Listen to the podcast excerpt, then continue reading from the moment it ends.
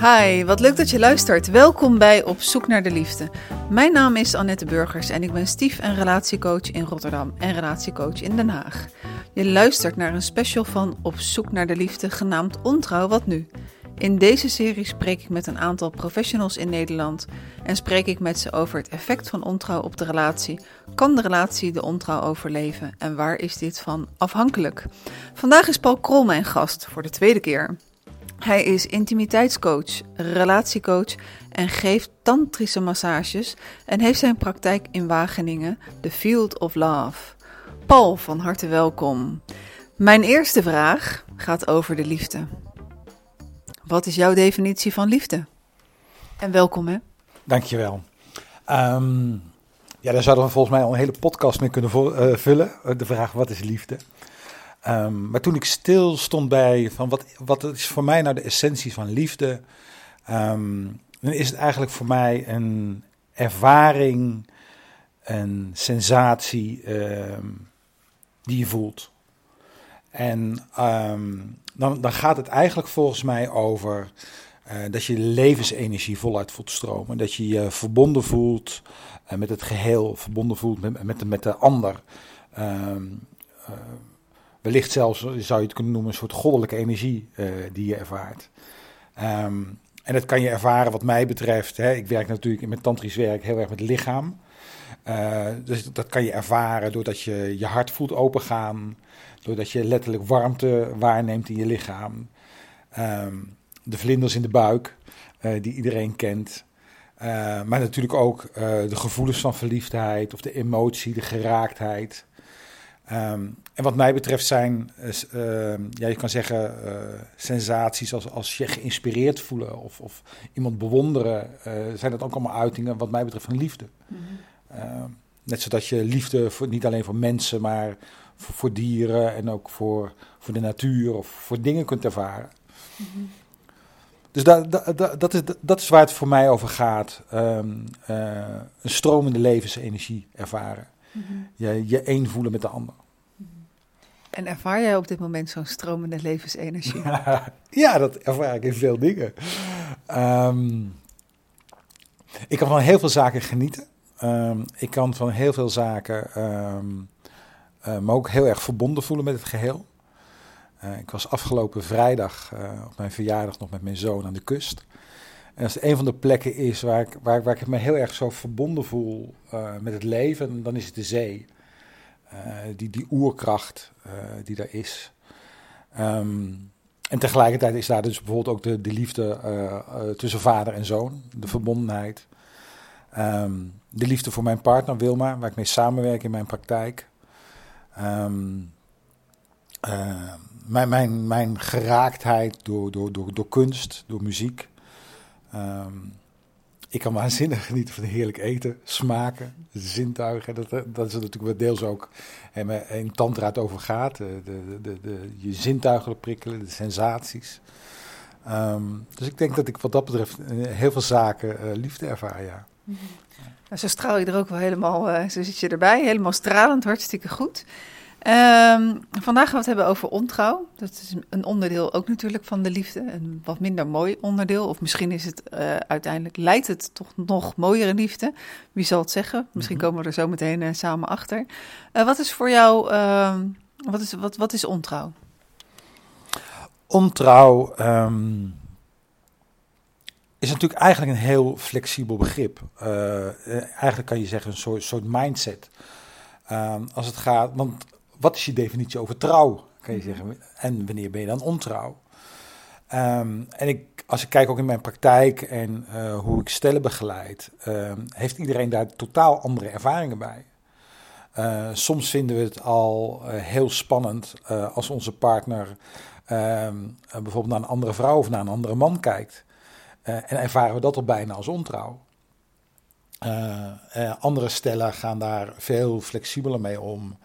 En uh, ja, helemaal aan het eind van, de, van, het andere, van het andere eind van het spectrum kan je natuurlijk zeggen: uh, is er uh, sprake van ontrouw als je seks hebt um, met iemand anders? Alleen um, is het dan nog ontrouw als je daar samen gewoon open afspraken over hebt? dan is het wat mij betreft geen ontrouw.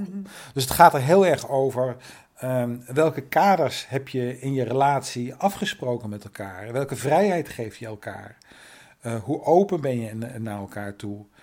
Um, en, en welk respect heb je dus voor de, voor, de grenzen van de ander? En op het moment dat je over die grenzen gaat, uh, waar je het samen over gehad hebt, in alle openheid, in alle eerlijkheid en alle kwetsbaarheid. En zonder daar open en eerlijk over te communiceren, uh, schend je die afspraken tussen elkaar. Ja, dan is dat wat mij betreft, kan, je, kan je dat ontrouw noemen. Mm. Maar dat kan er dus op allerlei verschillende manieren uitzien. Mm -hmm. Maar als je zegt hè, van mensen praten met elkaar en, en, en alle open en eerlijkheid, en je kan daar afspraken over maken. Wat, wat zou dan de reden zijn volgens jou dat als je er al in alle openheid en eerlijkheid over praat, dat je dan toch niet aan die afspraken houdt? Um, nou, ik denk, want je raakt een uh, heel belangrijk punt. Ik denk dat we heel vaak, als ze dood zijn, om er open en eerlijk, echt open en eerlijk over te praten. En waarom zijn we er als de dood voor? Um,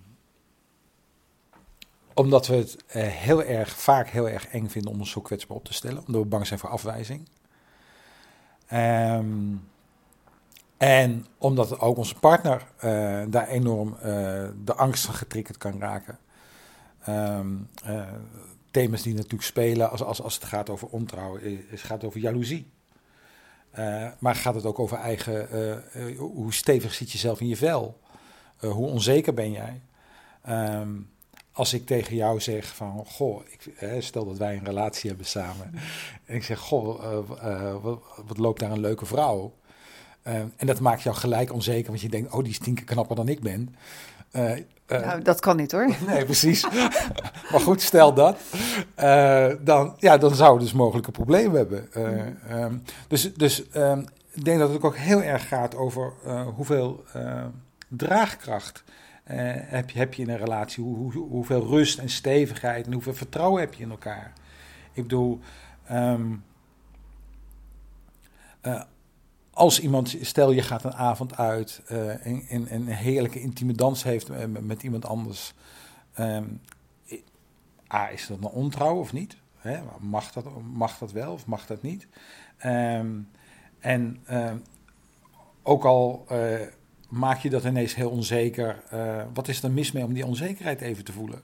En daar rustig daarna samen over te hebben. Mm -hmm. maar heel vaak schrikken we daarvan terug en, en gaan we dan op slot. En uh, nou, 9 van de 10, 10 keer is er misschien een bonje in de tent. Omdat je je eigen onzekerheid dan af gaat reageren op je partner. In plaats van gewoon te zeggen: Goh, ik zag dat je het hartstikke naar je zin had. Um, maar ik voelde me ineens heel onzeker worden. Mm. Ja, dus dan kom je weer terug inderdaad bij het, uh, het goed het gesprek gaan, aangaan met elkaar. En ik hoor je ook zeggen van de reden dat, dat mensen dat dan uh, niet doen is je kwetsbaar opstellen. kom ik ook tegen bij mij in, in de praktijk. Ehm, maar hoe, stel je wil het wel transparant zijn naar elkaar en dat open en eerlijk. wat, wat zou dan steunend kunnen zijn om, om, om mensen zo met elkaar om te kunnen laten gaan? Ik denk dat het al begint gewoon met um, hele kleine aspecten. Um, hè, in mijn praktijk werk, werk, ik met intimiteit, werk met sensualiteit, seksualiteit. Um, dus ik leer stellen in hele kleine stapjes te openen naar elkaar en te delen over hun verlangens en hun behoeftes. Hè, in de tantra is een, is een prachtige oefening, dat noemen we de inquiry, uh, waarbij je een vraag stelt aan de ander. En, en de ander heeft alle uh, ruimte en tijd om die vraag te beantwoorden. En als het antwoord er is, dan bedank je de ander en stel je opnieuw dezelfde vraag. Um, zelden in een relatie gunnen we elkaar zoveel tijd uh, om eens stil te staan bij, bij een bepaalde vraag. Mm -hmm. um, ja, wat het mooie van die oefening is dat je uiteindelijk steeds op een diepere laag van het essentie van de antwoord komt. Ja, dat kan heel goed. Het kan zijn dat je zelf ineens antwoorden hoort, hoort geven waarvan je denkt, oh wacht even, dat had ik mm. helemaal niet vermoed. Um, de, dus enerzijds zit daar de grote schoonheid in van, van het schillen van het antwoord. Um, maar misschien nog wel van een grotere schoonheid. Uh, ik weet niet of je dat zo kan noemen. Maar het feit alleen al dat je bijvoorbeeld 10 minuten de tijd neemt om alleen al te luisteren naar de ander. Zonder daartussendoor je eigen verhaal te doen of een tussenvraag te stellen, et cetera. Maar alleen maar te luisteren naar wat de ander vanuit zijn diepste binnen op, opvoelt komen. Dat is eigenlijk al zo'n waardevolle oefening. Mm waarin je dus afhankelijk van uh, de thema's die je met elkaar gaat, gaat bespreken, um, langzaam steeds opener kan gaan worden. Um, een, van, een, van, de oefeningen uh, die, die ik stellen vaak aanraakt, raad en die heel erg leuk is om te doen, maar ook heel spannend is om te doen. Goh, vertel me eens over een seksuele fantasie van je. Mm -hmm. Nou, hoe spannend en hoe kwetsbaar is dat vaak? Um, maar op die manier als het gaat over ontrouw, gaat het deels vaak ook over, over seksualiteit. Um, weten we nog, nog, nog ineens elkaars verlangens? En op het moment dat je die verlangens van elkaar weet, uh, misschien is je partner uh, tot je stomme verbazing er wel voor in. Mm -hmm. Dus is er helemaal geen reden uh, om ontrouw te hebben, omdat er veel meer ruimte en veel meer openheid is in de relatie. Als je het lef hebt daarover te gaan praten met elkaar. Mm -hmm. Want heel vaak daar gaat het natuurlijk heel vaak bij, bij ontrouw over. Dat we allerlei verlangens en behoeftes uh, projecteren op een ander. Projecteren buiten de relatie. Omdat we denken dat er binnen de relatie uh, geen ruimte voor is. Maar dat is eigenlijk nog maar de vraag. Mm -hmm. Dus uh, je, je zegt dan uiteindelijk be belangstellend, nieuwsgierig, luisteren om te begrijpen. Om echt met elkaar het gesprek aan te gaan. Ik, ik ik, ik, denk dat er zo'n kaartensetje uh, ontworpen gaat worden door jou met, met dit soort vragen op een gegeven moment. wil, dan wil ik aandelen. uh, jouw uh, bedrijf heet The Field of Love. Mm -hmm. ik heb zomaar een vaag vermoeden dat, dat het ook met, met liefde en dit onderwerp te maken heeft. Wat, wat betekent voor jou The Field of Love? Ja, dat is wel eigenlijk een heel mooi verhaal. Um, The Field of Love staat dus voor het veld van liefde. En uh, ik heb uh, jarenlang heb ik uh, gedanst, eh, de vijf ritmes. En dat is eigenlijk een soort eh, bewegingsmeditatie, dansmeditatie. Ik heb dat heel intensief beoefend, workshops van een week, waarin we echt in allerlei diepere lagen gingen van de dans en van het ontmoeten van elkaar en het werken met energie. en een van mijn teachers, een Amerikaanse teacher, Andrea Johan, die vroeg op een gegeven moment aan ons op de dansvloer: van wie is er wel eens verliefd geworden op de dansvloer? Nou, je kan je voorstellen dat bijna alle handen omhoog gingen. Want hè, in de dans kan je natuurlijk prachtige ontmoetingen hebben. Soms ken je de persoon helemaal niet, maar, uh, ontstaat er een prachtige dans samen. En niet zelden krijg je vlinders in je buik, of ben je ineens helemaal flabbergasted van, van, van, van die dynamiek die er ontstaat. Um, en toen zei um, Andrea Johan, die zei... In the dance, you are not falling in love, you are falling in a field of love. En ze voegde daaraan toe... Wait with, uh, with falling in love to, uh, until you met their ego. Um, en wat mij betreft raakte ze daarmee dus een hele belangrijke essentie.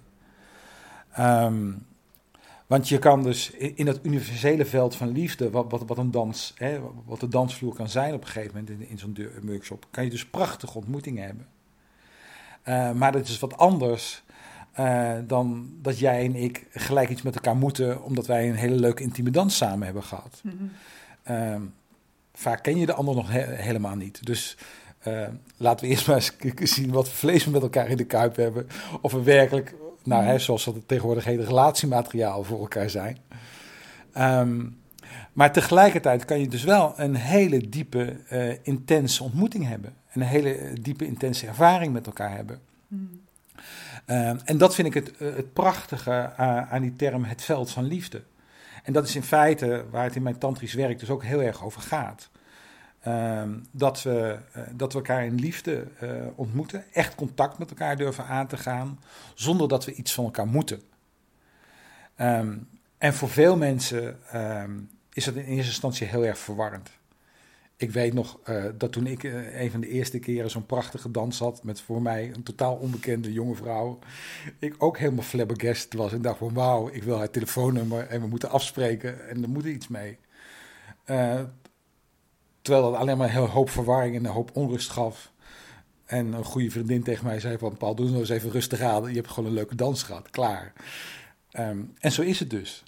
Ehm, en wat we dus te leren hebben voor een stuk... en waar het in de tantra voor een deel over gaat... dat je dus bent in dat moment, uh, bent in die ontmoeting... Zonder, zonder dat we daar gelijk met onze gedachten, met ons ego achteraan gaan. En daar gelijk allerlei beelden op plakken dat we dus van alles moeten. Uh, dus in de tantra gaat het heel erg ook over, wat mij betreft, over vrij leren zijn. Vrij leren zijn in je gedachten. Um, en dus ook leren dat, dat je partner, uh, dat er helemaal niets aan de hand is als je een partner een andere man of vrouw leuk vindt. Uh, of, het, uh, of tijdens een, een, een, workshop of als je aan het uitgaan bent, het heerlijk vindt om even um, geknuffeld te worden door een ander. Uh, daarvoor wordt je relatie niet minder, daarvoor is jullie band niet minder. het is alleen een, een, mooie ontmoeting van de ander met een andere man of een andere vrouw. -hmm. Dat. er zijn ook wat misverstanden over Tantra. Kan je daar iets over vertellen? Um, ja, daar kan ik, kan ik heel veel uh, over vertellen. Um, meeste mensen uh, die aan tantra denken, denken natuurlijk in eerste instantie vaak aan seks. En denken aan uh, orgies en ongebreidelde seksualiteit, wisselende partners, et cetera. Um, en dat is wat je deels de, de, de eerlijkheid gebied dat te zeggen. Wat je soms ook ziet, je hebt heel veel verschillende tantra-stromingen. Eh, sommige stromingen zijn heel erg seksueel gericht. En, en propageren soms ook partneraal of seks met anderen. Terwijl wat mij betreft, en de meeste tantra-stromingen staan er ook zo in, dat eigenlijk niets met tantra te maken heeft. Tantra gaat over heel zelfbewust, eigenlijk een zelfonderzoek aangaan. Van waar sta jij, wat beleef je in dat moment? Uh, en wat gebeurt er tussen jou, in de dynamiek tussen jou en de ander? Dat neemt niet weg dat, dat ja, tantra is wel een spannend pad. Hè? Tantra is een pad waarin je bereid bent naar jezelf te kijken. Tantra is een pad waarin je bereid bent dat zelfonderzoek aan te gaan. Dus je, de juiste communicatie ook met je eigen partner aan te gaan. Uh, over wat je verlangens en wat je behoeftes zijn. Um, dus je ziet wel degelijk natuurlijk in de tantra-wereld uh, gedeeltelijk um, mensen die wel vrijere opvattingen hebben over relaties. Um, uh, binnen de tantra-wereld zie je ook, ook meer, denk ik, dan elders. mensen die bijvoorbeeld een polyamore verbinding hebben. Of mensen die, die veel wisselende partners hebben. Heb, wat we buiten het tantrisch veld hè, wordt het vaak het swingen genoemd. Mm -hmm. um, maar ik zie daar dus ook veel, veel, veel misverstanden. Uh, een van mijn bezwaren tegen vaak uh, losse tantrische workshops een avond of zo, waar je gewoon zonder intake of iets aan deel kan nemen, um, is, is, is, dat dat eigenlijk een soort. Um, nou, dat, dat er vaak uh, mensen op afkomen die Tantra zien als een soort vrijbrief om er weer een nieuwe partner op te pikken. Um, dus ik heb wel eens gedacht, dan zal ik geen, uh, geen column schrijven over, is tantra het nieuwe swingen geworden? Um, dus daarin um, zie je dat, dat, dat alles waar, waar tantra dan mee te maken heeft, over dat zelfbewustzijn, over dat echte contact aangaan, um, dat het eigenlijk net zo goed weer niet geleefd wordt. Mm. En dat, dat, dat het meer wordt uh, gezien als, uh, voor een excuus als voor, voor vrije seksualiteit. Nou, moet ik, heb ik ook nog wel wat te leren, merk ik. Want ik dacht eigenlijk altijd dat het iets was van. Waar, uh, dat het te maken heeft met massages. En dat het ook dat je leert om een orgasme uit te stellen en er nog meer plezier van te hebben. Maar dat heb ik dan zeker ook helemaal fout. Nou, dat is een van de elementen die, die, waar we binnen de tantra mee werken. Mm -hmm. Als je het echt hebt over tantrisch vrije Um, dan kan je er, uh, ermee gaan, gaan spelen en gaan oefenen om een orgasme bijvoorbeeld uit te stellen. Maar waar het eigenlijk over gaat, is hè, als ik stellen ook begeleid in, in, in het tantrisch leren vrij of tantrisch beminnen, um, dat we die doelgerichtheid dus, uh, loslaten. Heel vaak zijn we gelijk penetratiegericht. Zeker mannen hebben daar vaak veel, veel last van. Um, en zijn ook orgasmegericht. Um, terwijl ik, ik eigenlijk heel vaak zeg, uh, tantra is de lust voorbij. Uh, en gaat het, gaat het dus echt over uh, in het contact met de anderen te zijn en die seksuele energie te voelen in je lijf. Um, als je dat gaat ervaren. Um, een samensmelting of zo. Ja. Um, waarbij, en als je dat gaat ervaren, dat, dat weet, weet, ik ook uit mijn eigen ervaring, dan merk je op een gegeven moment ook, ook maar ik heb ook helemaal geen behoefte meer uh, om klaar te komen om orgasme te krijgen. Want deze... Is die behoefte dan altijd weg of is het alleen op dat moment? nee, alleen op dat moment. het kan ook heerlijk zijn als je dat bent om wel heerlijk klaar te komen. Um, maar dan wordt het dus een heel andere intentie. Vaak is het dus mijn eigen ervaring. Juist doordat je leert dat uit te stellen en leert daarmee te spelen. Op het moment dat je jezelf toestaat wel een orgasme te krijgen, is dat ook een veel dieper orgasme dan je normaal ervaart. Dus het wordt een veel intensere beleving uh, van je seksualiteit. En iedereen kan dat leren? Ja, iedereen kan dat leren in principe, ja. Wou je daar nog, uh, want ik onderbreek je met, uh, ik kan iedereen dat leren. Wou je nog iets over zeggen? Nou, denk ik, uh, we hebben het nu gelijk weer heel erg, erg over, over, over, het, uh, over, over het vrije en over de seks. Ja, dat is mijn schuld, want dat was het beeld wat ik van de tantra heb. ja, dat hebben veel mensen. En het is dus een element, maar waar het in feite wat mij betreft over gaat, het gaat over seksuele energie. En seksuele energie is gewoon levensenergie. En waarom, om weer even terug te gaan naar ontrouw, um, waarom ik dat zo'n interessant thema vind, is van hoe we omgaan met onze seksualiteit, hoe we omgaan met onze seksuele energie, zegt ook heel vaak iets van over hoe we omgaan met onze levensenergie. Mm Dus door uh, te durven jezelf seksueel te ontwikkelen en die seksuele energie helemaal durven te laten stromen, uh, ga je vaak merken dat je ook in je dagelijks leven heel anders met je eigen energie omgaat. Veel krachtiger, veel zelfbewuster, uh, veel meer durft te genieten. Uh, um, om, om, nog even, even bij het tantrisch werk te blijven. Van, als ik mensen in mijn, uh, in mijn sessies leer vrijer met hun seksualiteit om te gaan, um, zie je vaak één op één dat ze in het dagelijks leven ook zich veel bewuster ineens genieten van de dingen om zich heen. Um, dus in die zin is, is, is, is het een prachtige metafoor waar we mee werken. Um, en hoe meer je dus jezelf op slot zet, of hoe meer je eh, in je relatie ook uh, elkaar op slot zet, uh, dat die seksuele energie er mag zijn, of dat dat verlangen er mag zijn, of dat die behoefte mag zijn. Um, ja, hoe meer je, ik zou bijna zeggen, hoe, hoe, hoe, hoe meer je bijna ja, ja, je elkaar uh, het geluk ontzegt. Mm -hmm. het, het genieten van het leven.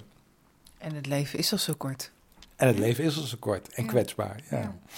Uh, even terug naar de, naar de ontrouw. Van, uh, Oké, er komt een koppel bij jou uh, de praktijk binnen. En het thema of de hulpvraag is hij of zij, maakt mij even niet uit wie van de twee, is vreemd gegaan. -hmm. En nou weet ik niet of koppels die bij jou aankloppen ook allemaal, want je krijgt de cliënten die, die, die om een bepaalde reden natuurlijk naar je toe komen, mm -hmm. of alle mensen geïnteresseerd zijn in dat tantrische stukje.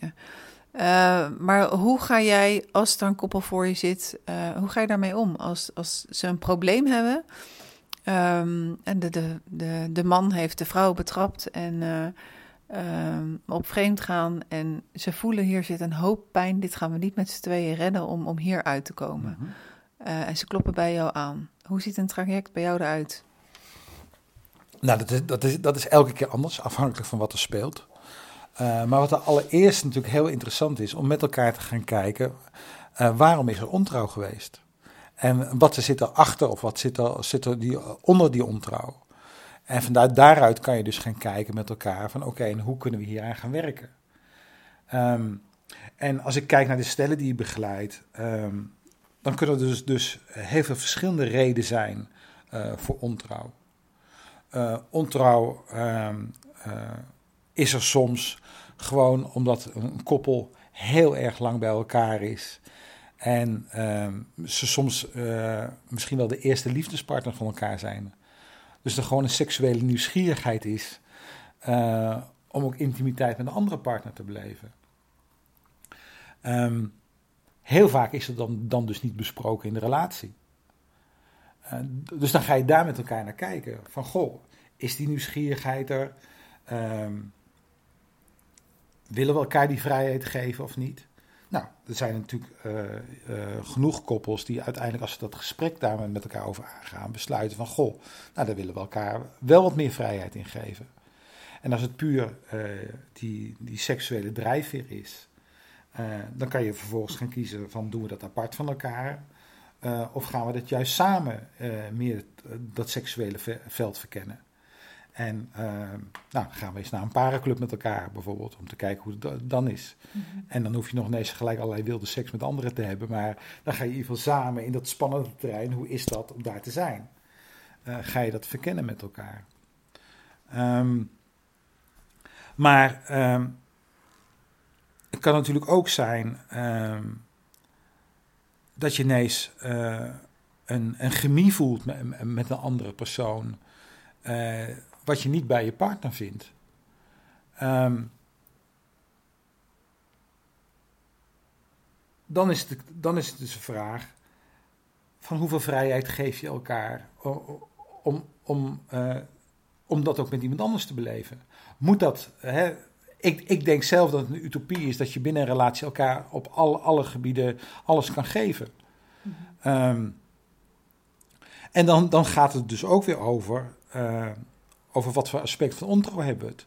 Want misschien is, is het heerlijk om een hele goede vriend of uh, vriendin erbij te hebben naast je relatie. Hè, maar hoeveel stellen vinden het al niet spannend als bijvoorbeeld een man ook een, een, daarnaast met, met een goede vriendin een hele goede vriendschap opbouwt?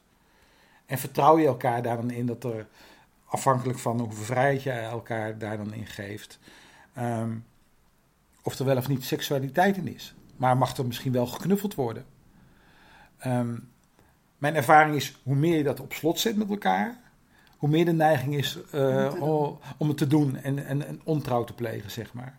En hoe meer je de bereidheid hebt om dat samen uh, te gaan onderzoeken, um, ja, hoe minder dat de relatie schaadt. Of de relatie er eigenlijk alleen maar kan, uh, door kan groeien. Mm -hmm. Dus het gaat, heel erg, het gaat er dus heel erg over um, van wat zit er onder die ontrouw. En heb je dat wel of niet in contact gebracht met de ander? Mm-hmm. Um, en dan kan je samen gaan zoeken van, hé, hey, wat is een weg, van ons, uh, een, een, weg voor ons om dit, dit te gaan integreren in elkaar? Um, je hebt natuurlijk ook qua, qua seksuele, uh, seksuele nieuwsgierigheid, um, kan het zijn dat we, dat we verlangens of interesses hebben uh, die we helemaal niet durven te delen met een partner. En daar maar, daardoor maar buiten de deur zoeken. Maar misschien is het dus heel goed uh, te integreren um, in je relatie. Hè, ik weet nog um, heel erg goed, bijvoorbeeld om, om, om een voorbeeld te noemen, dat op een gegeven moment een vriendin van mij mij vroeg haar een tik voor haar billen te geven. Ik had echt zoiets van, no way, dat ga ik niet doen als man, want ik ga jou niet pijn doen. Um, terwijl zij uh, mij leerde, ja maar Paul, door jouw kracht te voelen, uh, uh, opent mijn lijf. En vind ik dat fijn, er, ervaar ik jouw mannelijkheid. En als je daarna weer met, met je zachtheid komt, dan gaat mijn lijf alleen maar meer van open. Dus heb je het uiteindelijk gedaan met je No Way? Ja, uiteindelijk ben ik, uiteindelijk, uh, ben ik daar overheen. En heb ik dus gemerkt hoe gaaf het is.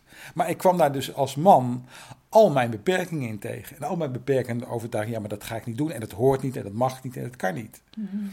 Nou, en zo, als je het hebt over het hele brede spectrum van seksualiteit, zijn er natuurlijk tal van aspecten waarin we onze grenzen tegenkomen, of onze, onze denkbare grenzen.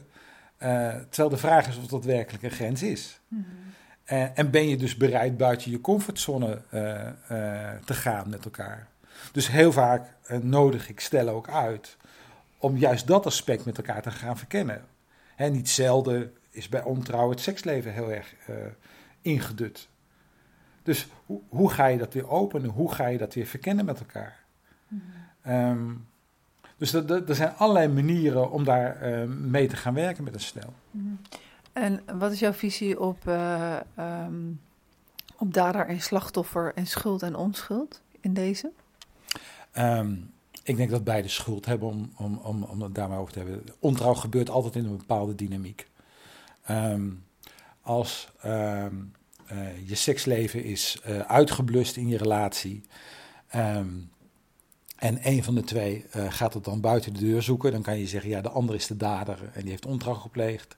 Tegelijkertijd ben jij degene geweest die de ander steeds is afgewezen. en mede verantwoordelijk is dat die intimiteit en die seksualiteit in de relatie is gedoofd. Mhm. Dus wat mij betreft is het altijd een dynamiek tussen elkaar. Mhm. En, en vind, accepteren de koppels die, uh, bij wie dit speelt, die tegenover je zitten, accepteren die dit altijd uh, gelijk? In de meeste gevallen wel, omdat ze natuurlijk al een hele bewuste stap hebben gemaakt om naar mij toe te komen en beide beseffen uh, dat er werk aan de winkel is. Um, en ze beide ook wel snappen dat het een dynamiek is. Um, en dan is het dus zaak om te gaan, gaan onderzoeken met elkaar. Bijvoorbeeld, we hadden het eerder in, uh, in het gesprek al over de inquiry. Maar een prachtige vraag om elkaar, aan elkaar te stellen in een inquiry is... Uh, en dan haal ik weer even het voorbeeld uh, dat wij een relatie hebben met elkaar. En dan zeg ik tegen jou, goh Annette, vertel me eens... Um, waardoor sluit jij in onze dynamiek?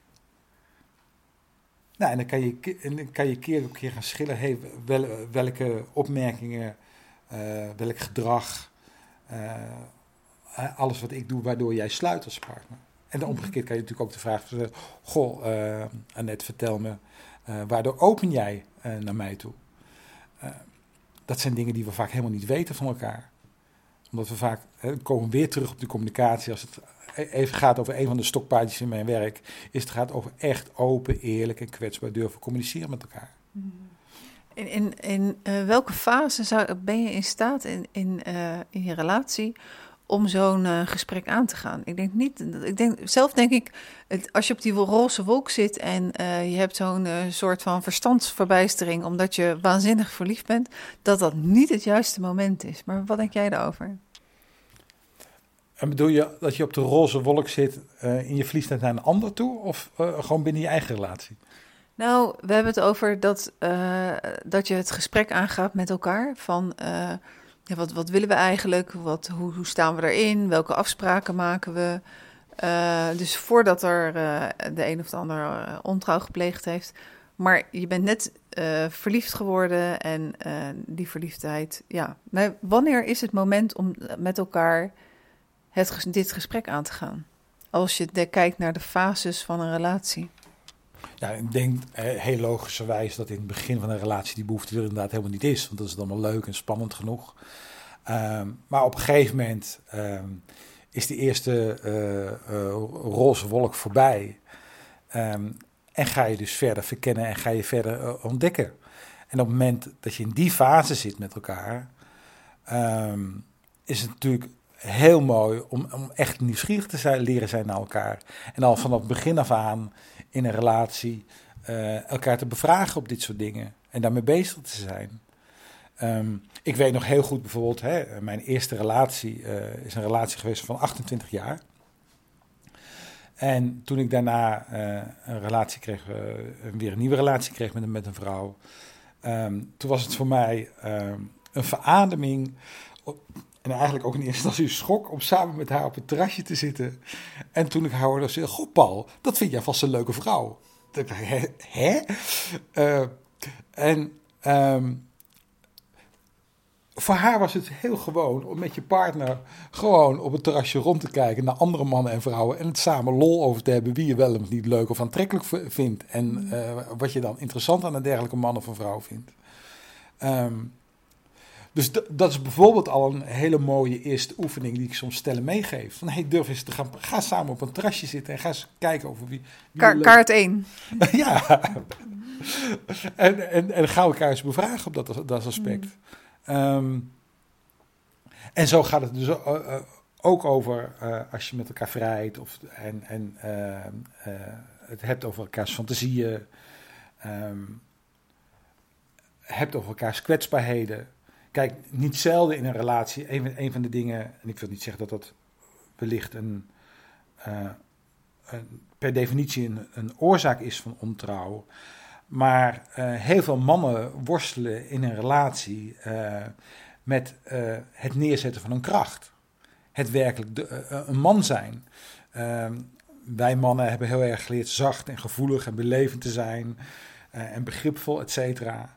Ehm, maar niet zelden uh, is een vrouw zo'n zo, zo watje uh, hartstikke zat. Mhm. Ehm, dan ga ik je even een andere vraag stellen hier tussendoor over hetzelfde onderwerp. Om een man in de kracht te zetten, aan welke kant van het bed moet hij slapen? Dan hebben, we het over, het systemisch werk. Hè? Ja. dan hangt dat natuurlijk vanaf hoe, hoe je kijkt. Maar um, als je het vanuit het perspectief van de vrouw kijkt, eh, ligt de man aan haar rechterzijde. Hè? Dat is, eh, zo vanuit systemisch werk naar gekeken wordt. Ehm, en ik daag iedereen uit dat eens een keer uit te proberen. En ehm, ik heb dat zelf, uh, ik al heel lang ehm, de wetten van het systemisch werk ken, laatst weer ook weer in mijn eigen relatie uitgeprobeerd. Je ervaart werkelijk een hele andere energie als jij aan de rechterzijde, als man aan de rechterzijde van je vrouw ligt. En wat bedoel je dan? Je ervaart werkelijk een echt een andere energie. Wat, wat is dan het andere? Uh, ja, ik kan natuurlijk alleen maar vanuit mijn eigen mhm. persoonlijke ervaring uh, spreken. Uh, maar wat mij betreft, um, ik merkte dat op die plek uh, komt er meer rust over mij heen. Komt er meer, ik voel me steviger. Ik voel me ja, daadwerkelijk mannelijker. Whatever that may be. Um, Ehm, maar meer, de, ja, ik heb altijd, altijd ook wel zoiets van uh, met het beeld van de rots in de branding. Uh, gewoon die rust, die stevigheid, die mannelijkheid, gewoon het zijn. Uh, waarbij het vrouwelijke wild, emotioneel en grillig kan zijn, bijvoorbeeld. ik kon daar heel erg goed contact mee maken. Mm ik voel me steviger, krachtiger. Dus vanaf nu alle podcastluisteraars, kies deze plek in, in, in, in het bed. Um, bindingsangst, verlatingsangst uh, en ontrouw. Uh, is, is daar een, een relatie tussen? Ja, ik denk Volgens jou? Ik denk dat er zeker een relatie tussen is natuurlijk. Um, ik heb uh, laatst zelfs een, een, een stel begeleid waarbij de vrouw last had van, van bindingsangst. En op het punt uh, dat ze uh, stond op het punt om te gaan trouwen, vervolgens vreemd ging. Gewoon de pure angst en onzekerheid, et cetera. dus die dynamiek, dat is een hele belangrijke factor bij ontrouwen. En ook daarin geldt weer, wat mij betreft, durf dat te bespreken. Durf te bespreken hoe spannend je het vindt om de verbinding met de ander aan te gaan. Want op het moment dat je dat uitspreekt naar elkaar. Dat je al die twijfels en die onzekerheden durft te delen met elkaar. Lossen ze vaak al voor een heel groot gedeelte op. Uh, en verliezen ze in ieder geval hun kracht. Um, en kan je ook samen uh, in de relatie uh, ja, kijken hoe je dat een plek kan geven. Hè, soms zitten daar hele oude wonden. en moet dat dus gewoon helen. Soms is er gewoon uh, verraad van een vorige partner. Uh, dan zal je weer er langzaam aan moeten wennen dat deze partner niet die vorige partner is, mm -hmm. maar wel naast je blijft staan. Um, op het moment dat je partner zich daar, hè, op het moment dat jullie je beiden daar bewust van zijn, maar je partner je daar ook bewust van is, kan hij daar rekening mee houden? Kan hij daar voor je zijn? Dus die, dynamiek is denk ik heel belangrijk om je, om je daar bewust van te zijn. Mm. En um, ja, e-, even, we zitten hier nou toch. En um, ik heb ergens iets gelezen over van de kunst van het beminnen. Stel, uh, je, vindt het lastig, die intimiteit, uh, seksualiteit. Um, ja, hoe ga je dan dat beminnen eigenlijk leren? Hoe ik dat in mijn praktijk uh, vaak stellen in meeneem, is door bijvoorbeeld radicaal alle huidige patronen in hun liefdesleven te doorbreken. En niet zelden begeleid ik uh, stellen die al jarenlang bij elkaar zijn en waar op een gegeven moment het liefdesleven echt is uitgeblust. En ze soms zelfs op een punt staan van ja, gaan wij nou eigenlijk nog wel door met elkaar of zetten we er een punt achter? Want in ieder geval qua, seksualiteit geeft het ons niet wat we eigenlijk de beide van hopen. En ehm, wat ik dan veel hoor bijvoorbeeld is een patroon van ja, Paul, we hebben nog wel seks met elkaar, maar ja, dat is eigenlijk ehm, niet zelden gewoon ehm, een automatisme. Een automatisme, platte seks, uh, misschien een half uurtje. Uh, de man heeft zijn orgasme weer gehad. Nou, je mag blij zijn dat de vrouw een orgasme heeft gehad. Vaak niet, maar die, die is dan weer gewillig aan de man geweest. En... Ik denk overigens dat een half uurtje voor sommige mensen veel is hoor. Ja, dat, precies, daar hebben we het al. Wat de armoe. Uh, en dan één keer in de maand wellicht, of nog minder. Um, ja, en daar gaat, je, daar gaat je hart natuurlijk niet van open. Daar, de, daar, heb je geen bloeiend, daar krijg je geen bloeiend liefdesleven van. Um, en ik gebruik daar een uh, heel mooi uh, principe, uh, wat zijn wortels heeft in, in het Taoïsme, um, waarin we die intimiteit weer helemaal opnieuw gaan ontdekken als stel. dus dat betekent als ik, als ik echt dit traject met stellen aanga, ik neem dan een hele bewuste keuze om het ook aan te gaan. En zo'n traject duurt minimaal drie maanden, maar in de praktijk vaak zes maanden tot een jaar. Um, en dan gaan we in, in, in allemaal kleine stappen, ehm, laat ik ze die intimiteit tussen elkaar weer opnieuw ontdekken. Maar dat betekent dus uh, dat ze de eerste, nou afhankelijk van hoe we dat traject precies vormgeven, uh, maar als je zegt dat zo'n traject duurt een half jaar, nou, grofweg gezien, we hebben de eerste vier maanden hebben ze geen seks met elkaar. Dus dat hele patroon is uh, doorbroken. Hmm. Nou, veel stellen zeggen dan, Paul, is geen probleem, want we hadden toch al weinig seks met elkaar, dus we hebben niks te verliezen. Maar dan, als het verboden wordt, dan wordt het misschien extra aantrekkelijk om het dan toch te doen. Ja. Uh, ik ben er natuurlijk niet bij. Um, ik adviseer ze om het niet te doen. Mm -hmm. um, en, waar, en waar, waar ik vervolgens met ze naar terug ga, is eigenlijk naar het moment dat ze elkaar voor het eerst leren kennen. Um, dat moment dat we in onze puberteit in feite ons eerste vriendje of vriendinnetje ontmoeten en dat het de eerste oogcontact er is. Um, en ik ga ze dus, hè, wat we in de tantra heel erg doen, is vertragen. Heel erg bewust zijn met wat gebeurt er nou in het moment. Dus we vertragen heel erg en we gaan heel erg stilstaan bij het eerste contact. Dus dan begint het bij het eerste oogcontact. En de, de, de volgende oefeningen gaan over de eerste aanraking. Gewoon elkaars hand is aanraken. Um, maar ook al in zoiets simpels als een, uh, als een aanraking. Um, daarin gebeurt al veel meer dan we ons vaak bewust zijn. Uh, want in mijn werk maak ik onderscheid tussen het geven en het ontvangen. En het nemen en het toestaan. En we zijn ons vaak daar helemaal niet van bewust. Hè, hoe vaak zeggen we niet tegen, tegen een ander: God, mag ik je een knuffel geven? Mm -hmm. Terwijl je eigenlijk bedoelt: God, mag ik een knuffel van je ontvangen? En om dus veel preciezer te leren zijn in wat je nou wil in die aanraking met elkaar, um, ga je enerzijds die aanraking heel anders ervaren. En tegelijkertijd um, wordt de kwaliteit van die aanraking ook heel anders. Want op het moment dat jij tegen mij zegt van Paul, um, zou je mij een massage willen geven? Uh, dan weet ik dus in ieder geval, oké, jij hebt behoefte aan een massage. En ik kan die geven aan jou. Maar 9 van de 10 keer, als we dat als stel uh, tegen elkaar zeggen, ja, dan ga ik als man ga ik mijn best doen om jou een schoudermassage te geven. Maar ik weet eigenlijk helemaal niet in wat voor massage jij, jij zin hebt. Dus de, de verantwoordelijkheid in dit geval van de ontvanger is om zo precies mogelijk aan te geven in wat voor massage je zin hebt. Mm-hmm. En ik als gever kan je dan precies die krachtige schoudermassage geven die jij op dat moment wil. Ja, jij wel, maar niet elke man natuurlijk.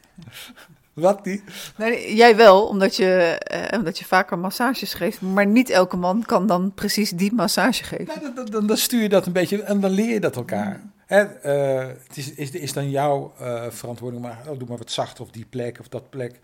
Um, ik bedoel, tuurlijk als je veel masseert, uh, krijg je daar een vaardigheid en professionaliteit. Maar dat kunnen we elkaar als stel, kunnen we mm -hmm. elkaar allemaal geven. Um, dus ik, dus ik, ik leer stellen uh, helder te zijn in die, in die dynamiek van het geven en ontvangen en het nemen en het toestaan. Um, in het begin van het traject um, leer ik bijvoorbeeld mannen ook gewoon een liefdevolle bedding te zijn voor de vrouw. Dat een vrouw gewoon rustig bij een man mag zitten, zonder dat hij iets van haar moet. Want, want hoe vaak hoor ik niet van ja, Paul, uh, op het moment dat mijn man mij al aanraakt, ja, dan merk ik eigenlijk dat mijn lijf al verstart. Want dan denk ik al gelijk van, oh jij moet weer seks van me.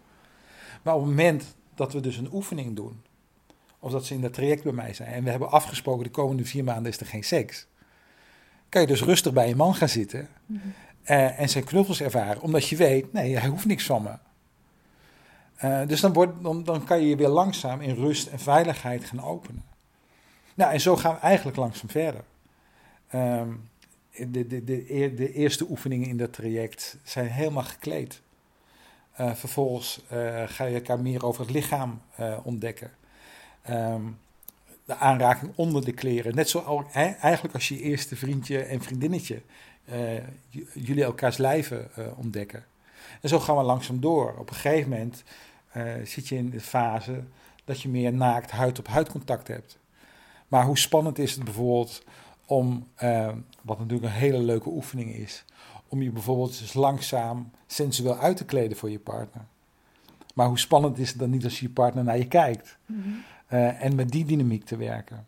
Nou ja, zo kan, kan ik een hele reeks van tantrische oefeningen noemen, waarin we dus werken met die sensualiteit, werken met die sens uh, seksualiteit, uh, werken met die passie die weer wakker wordt.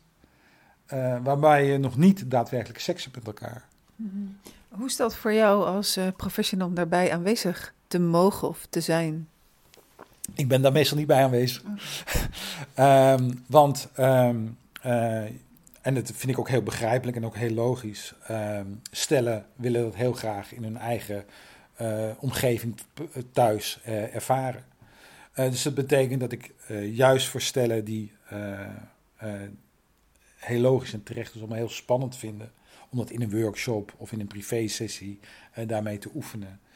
Um, gewoon een online programma, online oefeningen, uh, waarbij ze duidelijke instructies krijgen, videofilms, werkbladen. Uh, en, en, ik ze tussendoor online coach via een videocall.